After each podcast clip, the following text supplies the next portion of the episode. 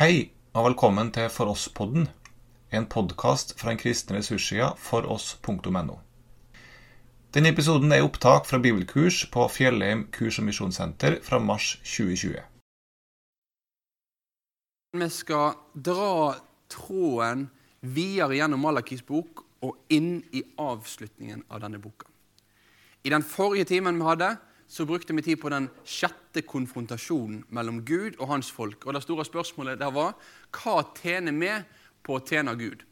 Og hvordan israelsfolket opplevde da At ja, de som ikke bryr seg om Gud, de som ikke tjener Han, de som faktisk egentlig bare gjør det de sjøl ønsker og vil, de ser ut til å ha det bra, ja, faktisk kanskje ofte bedre. For de slipper dette her med, med sorg og omvendelse og en del av de krevende tingene når Gud kaller oss til omvendelse. Så, så hva tjener vi på å tjene Gud? Og Så begynner da Malaki, den sjette konfrontasjonen, egentlig med å løfte blikket til israelsfolket. Han vil få de til å se at det er ikke bare det som skjer her og nå, som er av betydning. Det som virkelig har tung, evigvarende betydning, det er jo hva er det som skjer seinere. Hva er det som skjer framover? Og Så begynte vi da i går på å stoppe opp for Malaki og hans beskrivelse av for de som frykter Guds navn, de som snakket i lag, de som måtte støtte hverandre i trua, de skulle få se fram imot at en dag så skulle deres far ta de til seg som sin kostelige eiendom. Og han som er hersk, her, himmelherskarenes Gud, han skulle òg være den milde Gud. Så møter vi det sterke bildet her av en Gud som er en mild far mot sine barn. Nå skal vi be i lag før vi fortsetter med dagens tekst.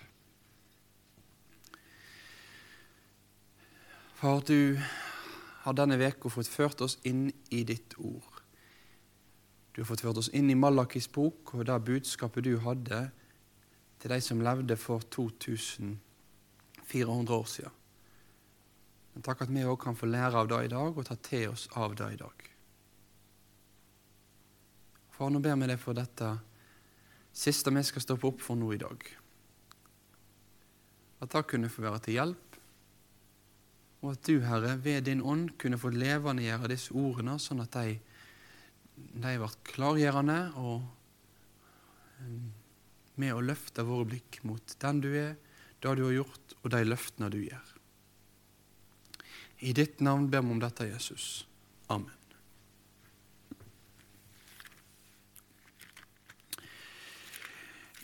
Jeg vil avslutte med å si litt mer om denne her sjette konfrontasjonen før vi går inn i de to avslutningsversene i boka. Kapittel 3 vers 18 forteller oss da skal det atter sjå skilnad på rettferdige og urettferdige, på de som tjener Gud, og de som ikke tjener Han. Israelsfolket og den resten i folket som fortsatt trodde på Herren og frykta Han og levde med Han, de opplevde at en ikke så noen forskjell. Og her handler ikke dette her om en forskjell i det ytre nødvendigvis.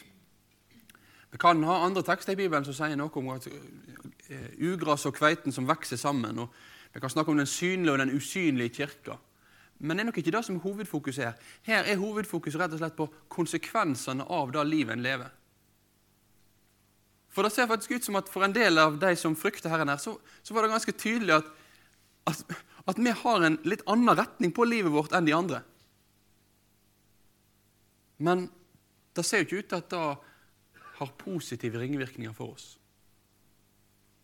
Men så kommer Herren med dette verset at den dagen, da skal det atter se skilnad på rettferdige og urettferdige. Da skal det bli synlig, de som tjener Gud, og de som ikke tjener Han, hva konsekvensene da faktisk har.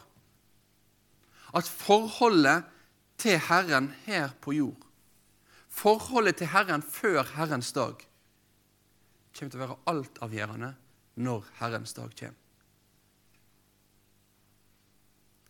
Og Så fortsetter han da i den neste verset med å beskrive hvordan når denne dagen kommer, ja, så kommer han, som det var skrevet tidligere, som en dag der Guds folk, de som tror på han, de skal være hans kostelige eiendom. Men for de frekke, for de som ikke frykter hans navn, så er det noe annet som er i vente. Sjå, dagen kjem, han brenner som en ovn. Alle frekke og alle som gjør urett, skal da være som halm. Dagen som kjem, skal brenne dei opp, sier Herren over herskarene. Korkje rot eller grein blir att.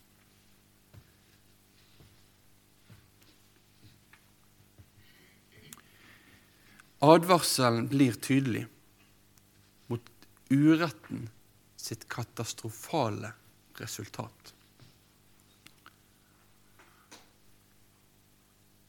Korkje rot eller grein blir rått. Vi kan ikke for oss da at vi er ute og rydder. Vi brenner greiner. Vi har hogd og renska alt vilt som har vokst opp, og nå så skal det brennes. Men jeg holder på med det hjemme i, i huset vårt nå. Jeg skal være ærlig på det at det er en del som ligger att. For at Ingvald han blir litt sliten av og til og litt lei. Og da er det noen greiner som ligger att rundt omkring. Jeg glemmer noe. Det er noen som slipper unna. Men her er det ingen her er det ingen unnslipping. Her er det faktisk en total dom for de som ikke frykter Herren.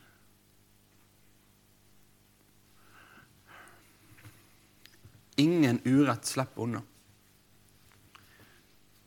Og så er det sånn at I Bibelen, når vi leser om Guds inngripen til dom og til frelse, så bruker Bibelen mange ulike bilder på dette. her. Dette her er òg et, et, bilde. Dette her er òg en, en, symbolforklaring på hva som skal skje. Og det blir gitt litt, litt, ulike beskrivelser av det. Det har i en del eh, kristne miljø i løpet av de siste 10-20 årene blitt mer populært å snakke om det en kan kalle for en annihilasjonslære, altså en utslettelseslære. Tanken er da at Gud han kommer igjen, han holder dom. Og det er sånn at De som tror på Jesus, ja, de blir frelst, de lever evig. Og de som ikke tror på han, de blir tilintetgjort. En kan finne spor av dette noen ganger gjennom kirkehistorien òg, men for meg så virker det som at dette her har vært egentlig noe som òg en del har blitt mer fascinert av i løpet av de siste tiårene. Og Da kan faktisk sånne tekster som dette her i Malakis bok være viktige tekster å ta fram. For når vi leser en del av domstekstene i Gamle Testamentet, så er det snakk om en oppbrenning. Det er snakk om at det er noe som dør. Men igjen så må vi tilbake til at vi må se hele Bibelen i et heilbibelsk lys. Vi må forstå Det gamle testamentet i lys av Det nye testamentet. Og når jeg leser Nytestamentet, så, så skal jeg være ærlig på at jeg, jeg, jeg kommer ikke utenom det. At den tilstand der mennesket ikke blir frelst, der mennesket går fortapt, at det er en bevisst tilstand, og at det er en vedvarende tilstand. og at det er en ikke ønskelig tilstand for mennesket.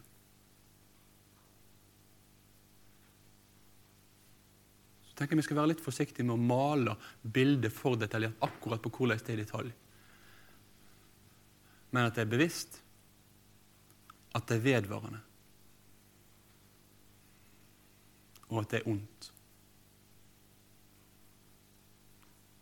Det er viktige pilarer i Bibelens beskrivelse av fortapelsens mulighet og realitet.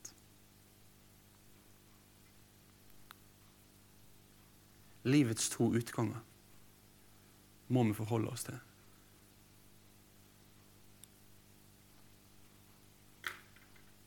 Og tenk om disse tidene her i Norge kunne få være en tid der noen mennesker fikk øynene opp for dette evighetsalvoret. Hva skjer? Hva skjer etter dette viruset? Hva skjer etter dette livet? Og tenk framfor alt om de kunne få se at det er et håp. Det er et håp som bærer inn i evigheten. Og det er Guds frelse i Jesus. For det neste verset i Malakis bok det går tilbake til de som frykter Herrens navn. Hovedfokuset ligger på trøsten til de som tror på Han, samtidig som realiteten med at det er mulig å gå fortapt, ligger der. Trøsten til de som frykter Herrens navn, det er at rettferdsstoler skal stå opp med lekedom under vengene sine. Det står at de skal slippe ut og hoppe som kalver. Da skal de trakke ned de urettferdige. De skal være støv under føttene deres den dagen jeg griper inn, sier Herren over hærskarene. Her er det snakk om en oppreising. Det er en oppreising for de som frykter Herrens navn. For de som har opplevd at det å tro på Herren koster. For de som har opplevd at det å tro på Herren ikke har her på jord gitt meg det jeg håpte på, drømte om eller ønsket, eller de bønnesvarene jeg ville ha.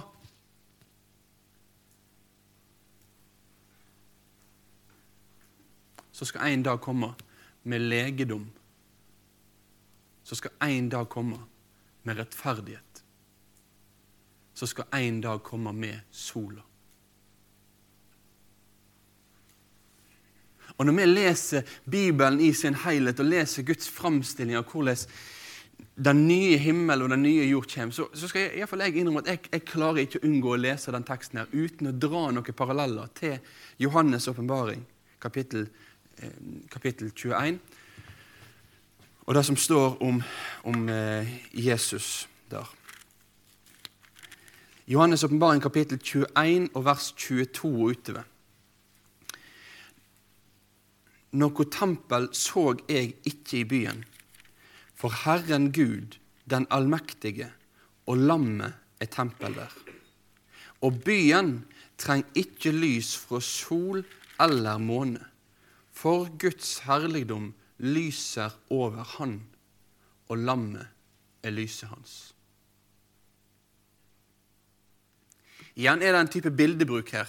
Men han sier noe om at det som i, på den nye jord gir liv, det som på den nye jord gir eh, lys, det som lyser opp hele tilværelsen og egentlig styrer hele tilværelsen, for lys og mørke er jo det som styrer tilværelsen vår.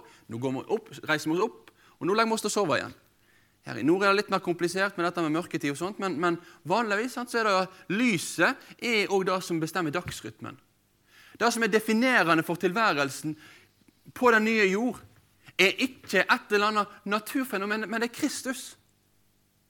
Og han er jo den som kommer med sin rettferdighet. Han er jo den som kommer med legedom. Han er jo den som tidligere i dette kapitlet forteller oss at denne dagen, når Guds nye jord blir åpenbart, og Guds folk får ta bolig der, så tar Gud sin bolig blant menneskene. Det skal ikke mer være noe tårer, ikke noe skrik, ikke noe sorg, ikke noe sukk. All lidelse, smerte, synd, urettferdighet, undertrykkelse, skam er forbi. Alt. Oppreising oppreising hos Jesus. Tenk Jeg får møte han. Tenk Jeg skal få se han. Tenk jeg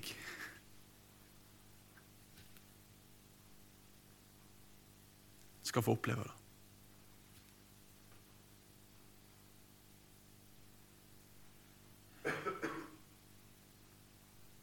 ufortjent av nåde, av Guds godhet og Hans kjærlighet. Mikas bok, nei, Malakis bok avslutter med dette her herlige framtidsscenarioet. Løfte blikket vårt for Guds folk til å se at han som begynner boken med å si at 'jeg elsker dere', han skal en dag ta sine til seg. Og da er det en tilstand som overgår all vår forstand når det gjelder hvor godt det er, hvor velsigna det er, hvor herlig det er. Så bruker Bibelen noen sånne bilder sant, som for en, for en jøde som leste dette her, som var vant med jordbruk, ville gi mening. For meg skal jeg være helt ærlig at jeg, jeg, er så, jeg, er ikke så, god på dette med kyr og hva kyr gjør og ikke gjør. Men jeg forstår jo likevel noe om at, at en, en, kalv som slipper ut og hopper Her har vært brukt litt ulike. Noen tenker liksom at det er den kalven som akkurat klarer liksom så vidt å, å få seg opp på beina og begynne å, spasere litt rundt omkring. Men jeg har lest en del som sier at nei, det, det bildet som er her, det er, det er, det er gjøkalven som er blitt feita opp, og som nå slipper ut på jorden og endelig får lov til å bruke styrkene sine og få springe rundt og hoppe og krige litt med de andre. Her er det en glede, her er det et livsmot, her er det, her er det energi som strømmer over. Og så sier han ja, men sånn skal det være for dere Guds folk. Det skal få være en sånn en jubel for at nå er våren her. Nå har sola gitt oss liv. Nå begynner det å spire her. Nå er vinteren tilbakelagt. Nå er døden tilbakelagt. Nå er kulden tilbakelagt. Nå, nå er det liv. Og Så sier han dette, her, dette er det Guds folk har å se fram imot. Dette er, dette er du som tror på Jesus, har å se fram imot. Midt i et liv der det er mange ting som tynger.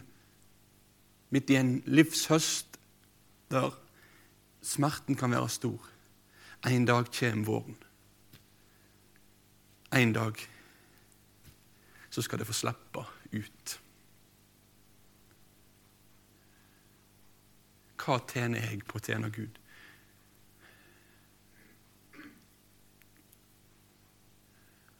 Bibelen løfter mitt blikk og sier at Ingvald Se framover. Se mot evigheten. Se mot det jeg har satt i stand for deg, ordna for deg og vil gi til deg. Dette her er frelsens gave, som Malaki løfter fram.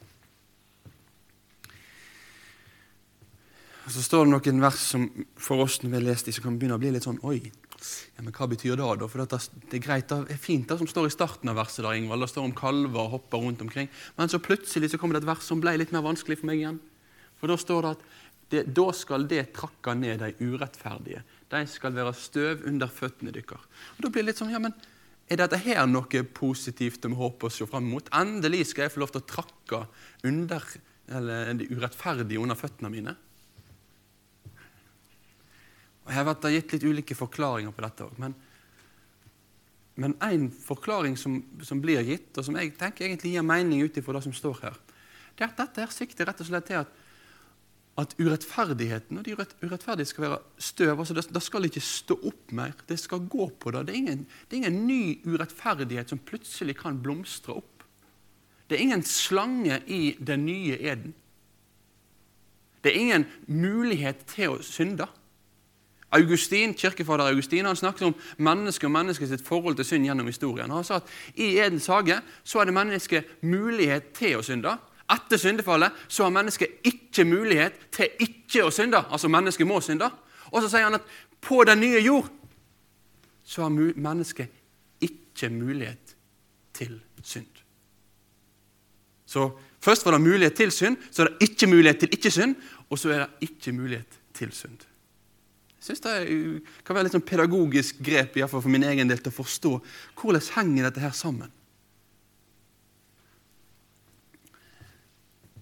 Så jeg tenker at Poenget med det siste bildet her, det må handle om at den dagen så skal ikke urettferdighet plage eller prege Guds folk noe mer. Nei, urettferdigheten skal være støv. Den skal være utsletta, den skal være forbi. Det er ikke mer urettferdighet på den nye jord der rettferdighet bor, sånn som Peter beskriver det i et av sine brev. Så Sånn avslutter da denne sjette konfrontasjonen med å løfte blikket for de som frykter Herrens navn. Og så avslutter han nå med en avsluttende oppsummering på hele boka si i de tre siste versene. Malaki 4 og vers 4-6. Da drar han, noen tråder sammen. Gir noen avsluttende både formaninger, men òg oppmuntringer. Det er som han sier til leserne og til oss. Ok, med alt det som de nå har hørt, med alt det som vi denne uka har vært samla om, kan vi prøve å, å, samle oss om noen viktige moment. I møte med et utakknemlig gudsfolk, der gudsfolket kan oppleve at Gud gjør en dårlig jobb, og egentlig jeg hever meg over Gud og ser ned på Han. Hva kan jeg da gjøre? Vel, Da kommer avslutningen her. Og Det er to deler. Den første delen leser vi i vers 4.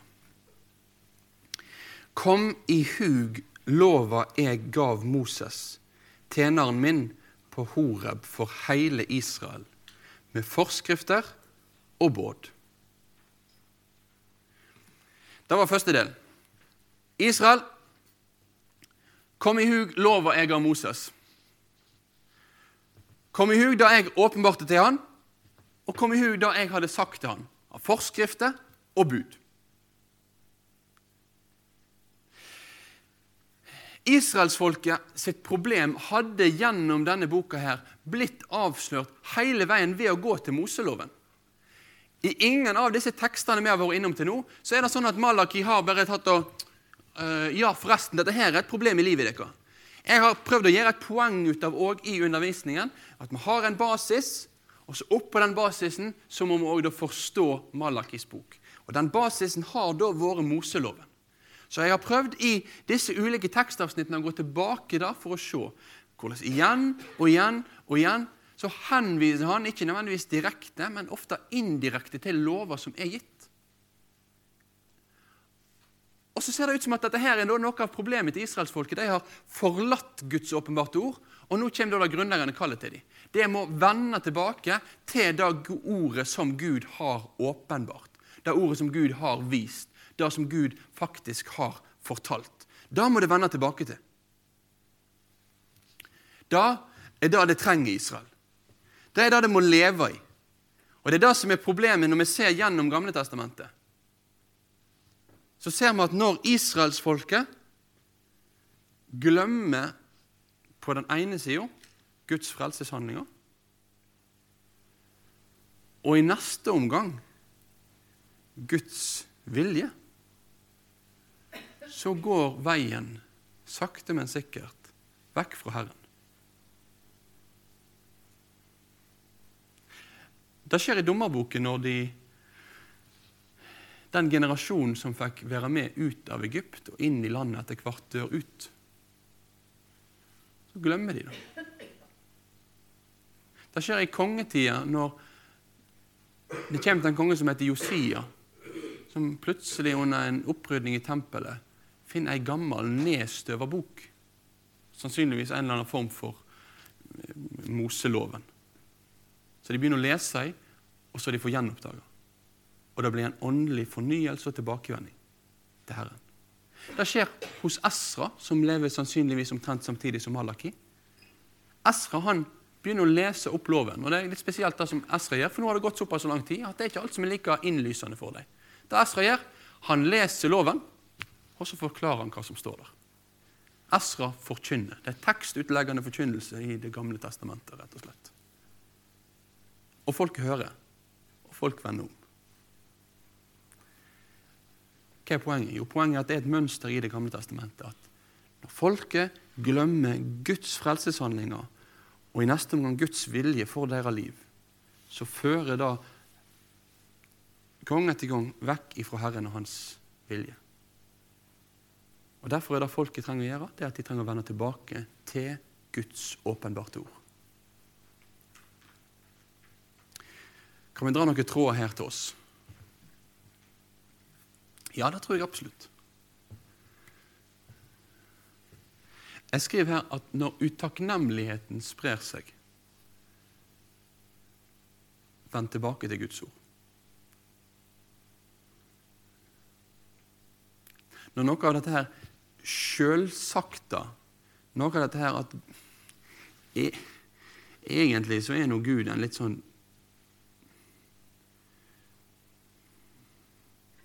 Vi skulle hatt en bedre Gud enn han Gud som har. Så les i Bibelen. Hvis en begynner å tenke om Gud at egentlig så er nå jeg nesten kanskje på lik linje med han. Les i Bibelen om forholdet mellom Gud og menneske. Og motsatt vei, hvis vi begynner å tenke at Gud er en Gud som faktisk ikke elsker oss, bryr seg om oss, ser oss. leser Bibelen og se om Guds store kjærlighet til oss. Jeg er overbevist om at det vi trenger i enhver tid, det er Guds evige ord. Vi trenger å, å bli fornya i vår lesing av det, i vår forståelse av det. Vi trenger å stadig vekk gå tilbake til det, lære av det og grunne på det. Martin Luther han sier om seg sjøl Han har skrevet en bok som på svensk heter 'Hur man skal be'. Det er et sånt bønne bønnebrev til hans barberer Peter Beskendorf. Peter han sleit med dette med bønn. Og Han skrev til Luther og spurte om Luther kan du gi meg noen råd med tanke på hvordan jeg skal be. En veldig fin, praktisk og god beskrivelse om hvordan en kan få bruke trosbekjennelsen og Fader vår praktisk anvendelig i sitt eget bønneliv. Så Den boka vil jeg anbefale dere å, å se på hvis en får anledning til det. Men det som jeg kort vil nevne her nå, det er at i innledningen før han går inn på dette med Fader vår, så skriver Luther noe om at Vel, Peter, En av de tingene som jeg vil si til deg, det er da at eh, når jeg ikke har lyst til å be, da springer jeg inn i lønnkammeret eller i den kristne forsamling.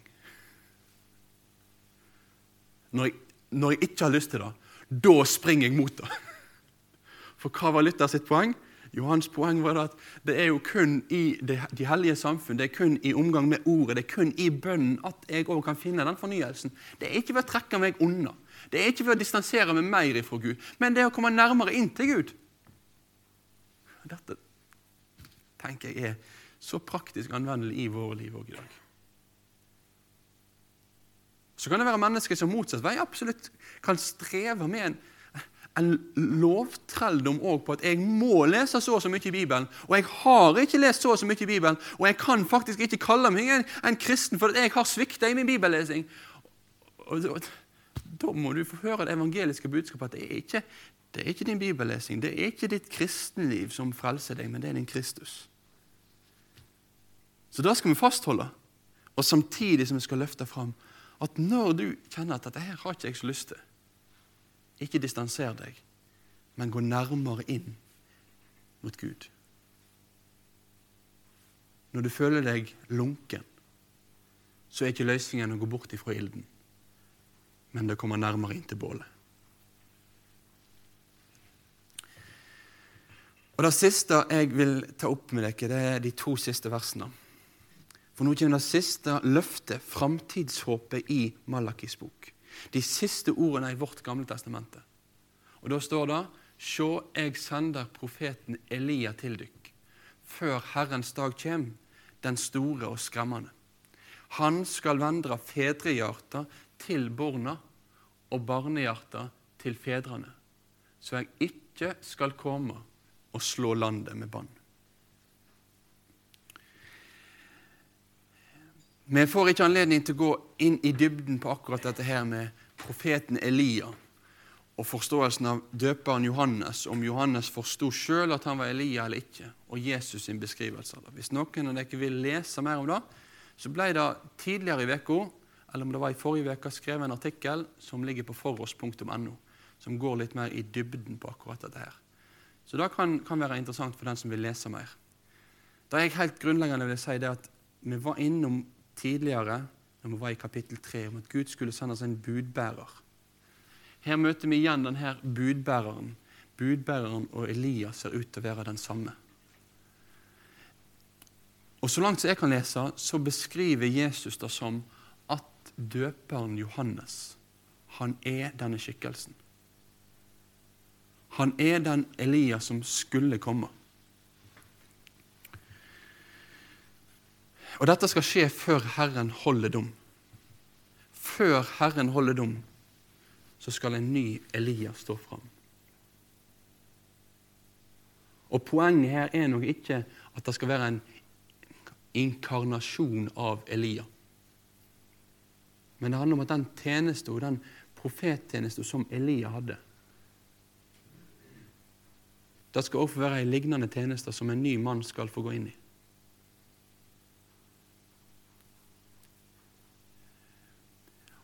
Noen har av og til hevda at Elia kan stå som en slags representant for den profet, altså de profetene som kom i Israel i seinere tid. At det er snakk om at det skal komme en ny, en siste profet. Men uansett så er poenget at her skal en komme med et budskap fra Herren som skal gjøre noe. Gud skal sende en profet. Men hvorfor? Hvorfor sender Gud sine talsmenn? Hvorfor sendte Gud Johannes døperen før Jesus kom?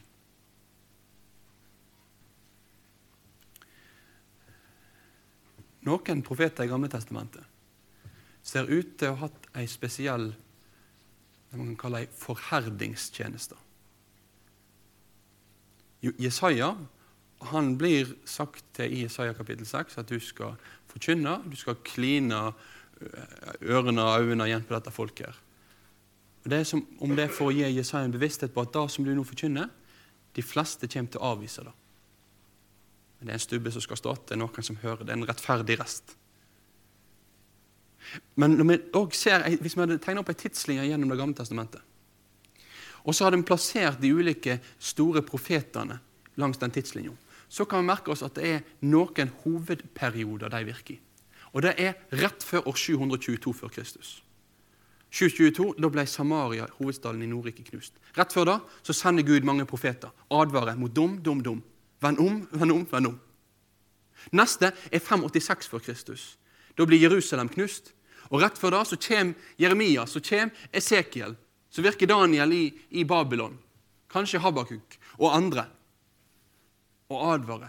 Kalle til omvendelse, omvendelse, omvendelse. Så før Guds dom rammer, så har han sendt sine budbærere ut for å advare Israels folk og si til dem vend om fra den veien det går på. Den veien det går på nå, medfører katastrofe. Og i seg sjøl er dette her faktisk et stort vitnesbyrd om Guds nåde. Det er ikke sånn at Gud sitter der i himmelen, og plutselig så bare Ja, nei, nå, nå er det nok. Nå setter vi stopp. Gud sender sine budbærere for å kalle folk til omvendelse. Det er det Malaki gjør, og det er det òg han sier at denne profeten skal gjøre. Han skal vende fedrehjertet til barna og barnehjertet til fedrene, sånn at jeg ikke skal komme og slå landet med bann. Gud, han reiser opp sine vitner for menneskers frelse. Og i døperen Johannes' si veiryddingstjeneste så kan vi se at det ser ut som at mange har blitt vakt opp. Mange fortsatte ikke å vandre med Herren, og når Jesus kom, så tok de avstand fra han. Men, men det er en oppvekkelse.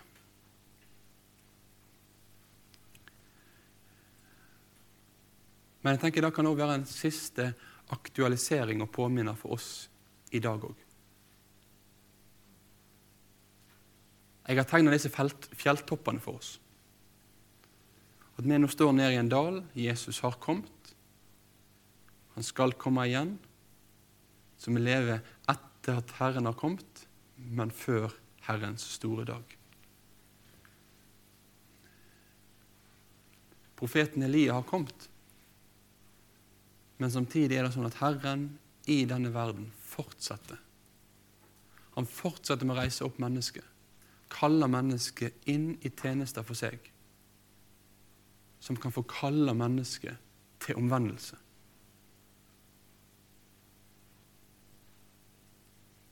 Tenk hvor stort at Gud år etter år etter år legger det ned i noen menneskehjerte, At du skal få være mitt vitne.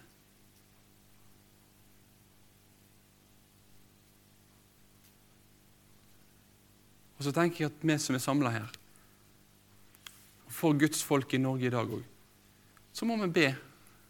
Be til høstens herre at han må drive arbeidere ut til sin store høst. For vi alle skal få være vitne. Og Samtidig så trenger vi òg at Herren reiser opp noen som kan gå inn i ei tjeneste for Han og bruke tid på forkynnelse, undervisning og evangelisering. Og de trenger òg at vi i Guds folk står bak dem, sørger for dem, underholder dem, sånn at de kan få satt av tid til dette her. Jeg håper Malakis bok kan ha fått gitt deg et glimt av den store Gud. Hans ufattelige kjærlighet og mildhet og framtidsløfte og hans gode vilje for våre hverdagsliv der vi er. Og Herren velsigner hver og en av dere. Du har nå hørt opptak fra bibelkurs fra Fjellheim kurs- og misjonssenter. Du finner mange andre opptak med undervisning på foross.no.